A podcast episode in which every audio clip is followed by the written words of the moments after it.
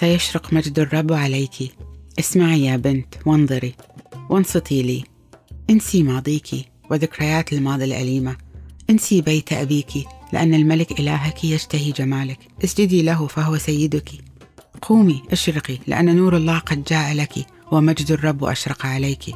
ها إن الظلمة تغمر الأرض والليل الدامس يكتنف الشعوب ولكن الرب يشرق عليك ويتجلى مجده حولك.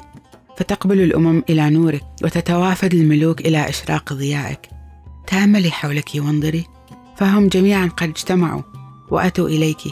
سيأتون أبنائك من مكان بعيد وستحمل بناتك على الاذرع عندئذ تنظرين وتتهللين وتمتلئ الاثاره قلبك وتمتلئين فرحا لأن ثروات البحر تتحول إليك وغنى الأمم يتدفق عليك.